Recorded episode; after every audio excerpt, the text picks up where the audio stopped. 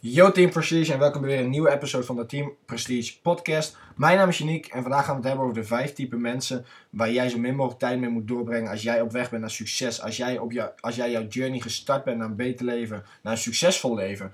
En nummertje 1 zijn de mensen die lopen te fucken met je hoofd. Echt, die staat met, natuurlijk met stip op nummer 1. De mensen die lopen te spelen met je gevoelens, die lopen te fucken met je gedachten en die gewoon rondlopen te dwalen in je hoofd. Oftewel, de mensen die op dag 1 zeggen ze in één keer A, dag 2 zeggen ze plotseling B.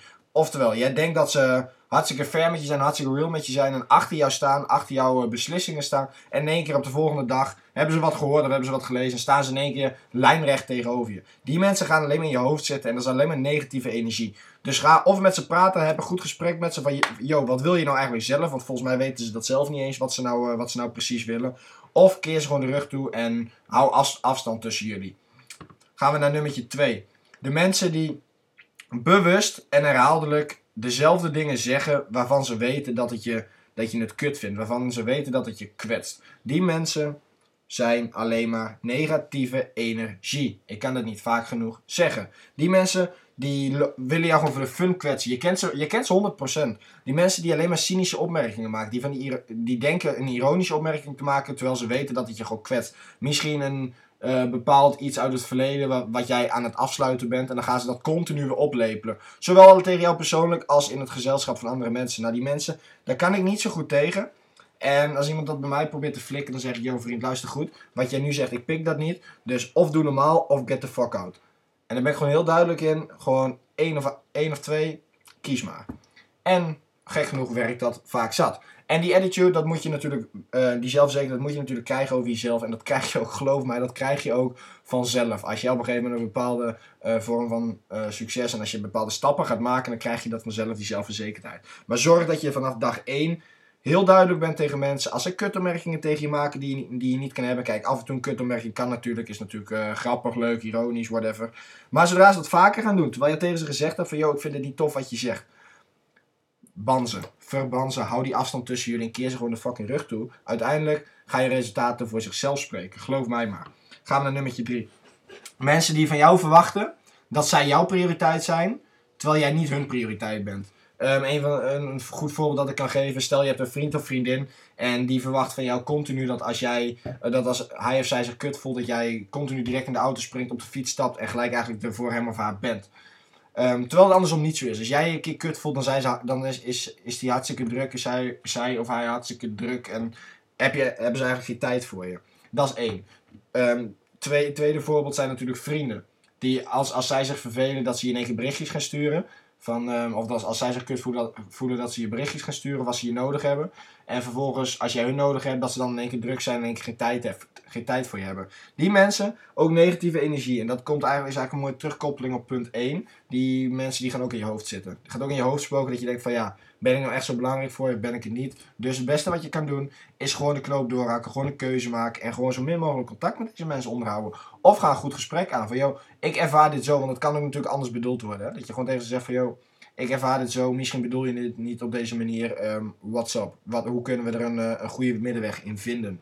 Dus nummertje drie heeft allemaal met prioriteiten te maken. De mensen die dus verwachten dat jij, of dat zij jouw prioriteit zijn, maar dat het andersom totaal niet zo is. Ga naar vier. De mensen die niet kunnen, maar zich ook niet willen verontschuldigen, ook al zitten ze fout. Die zo'n fucking groot ego hebben en zo'n attitude, zo'n uitstraling gebaseerd op helemaal niks dat ze zich helemaal boven de wet voelen staan.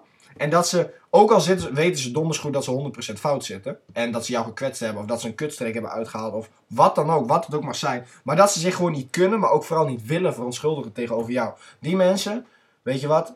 Ga lekker in je roze wolk leven. Ga lekker genieten van je leven. Van je, ehm, van je hoe noemen ze dat? Van je negatieve leven. Ga andere mensen lekker tot last zijn. Maar in mijn journey ga je mij niet fucking tegenhouden.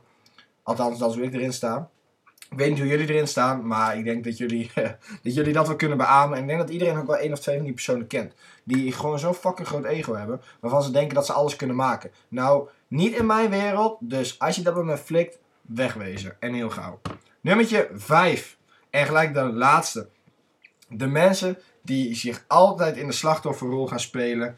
Um, wanneer ze geconfronteerd worden met hun rare, agressieve of verkeerde gedrag.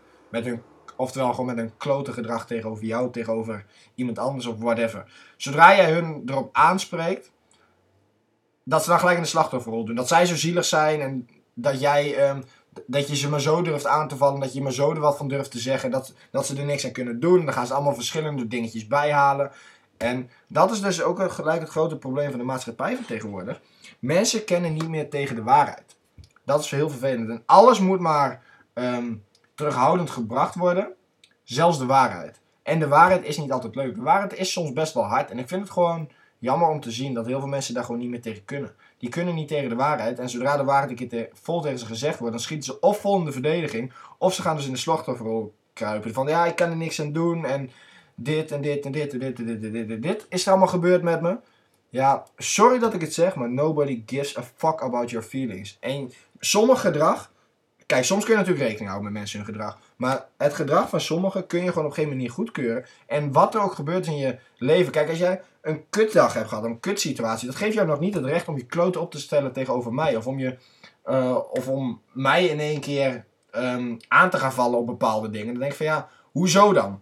En kijk, natuurlijk af en toe kan je een keer in de slachtofferrol kruipen of whatever als je daar fijn bij voelt. Maar zodra je merkt dat iemand dat herhaaldelijk doet en elke keer als je iemand aanspreekt op zijn gedrag en elke keer kruipt weer een slachtofferrol is er geen gesprek meer te voeren. Zorg dat je die me- mensen zo ver mogelijk weg bij je houdt. Hou er een kloof tussen, hou er afstand tussen of keer ze zelfs gewoon de rug toe.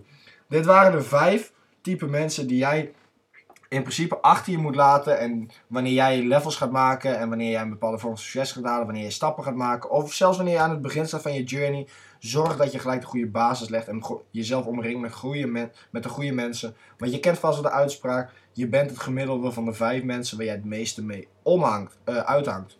Lijkt me een mooie afsluiter van deze podcast. Ik hoop dat je wat aan gehad hebt. Laat het me vooral weten. Mocht je vragen hebben, drop me een DM. En ja, ik check jullie in de volgende podcast.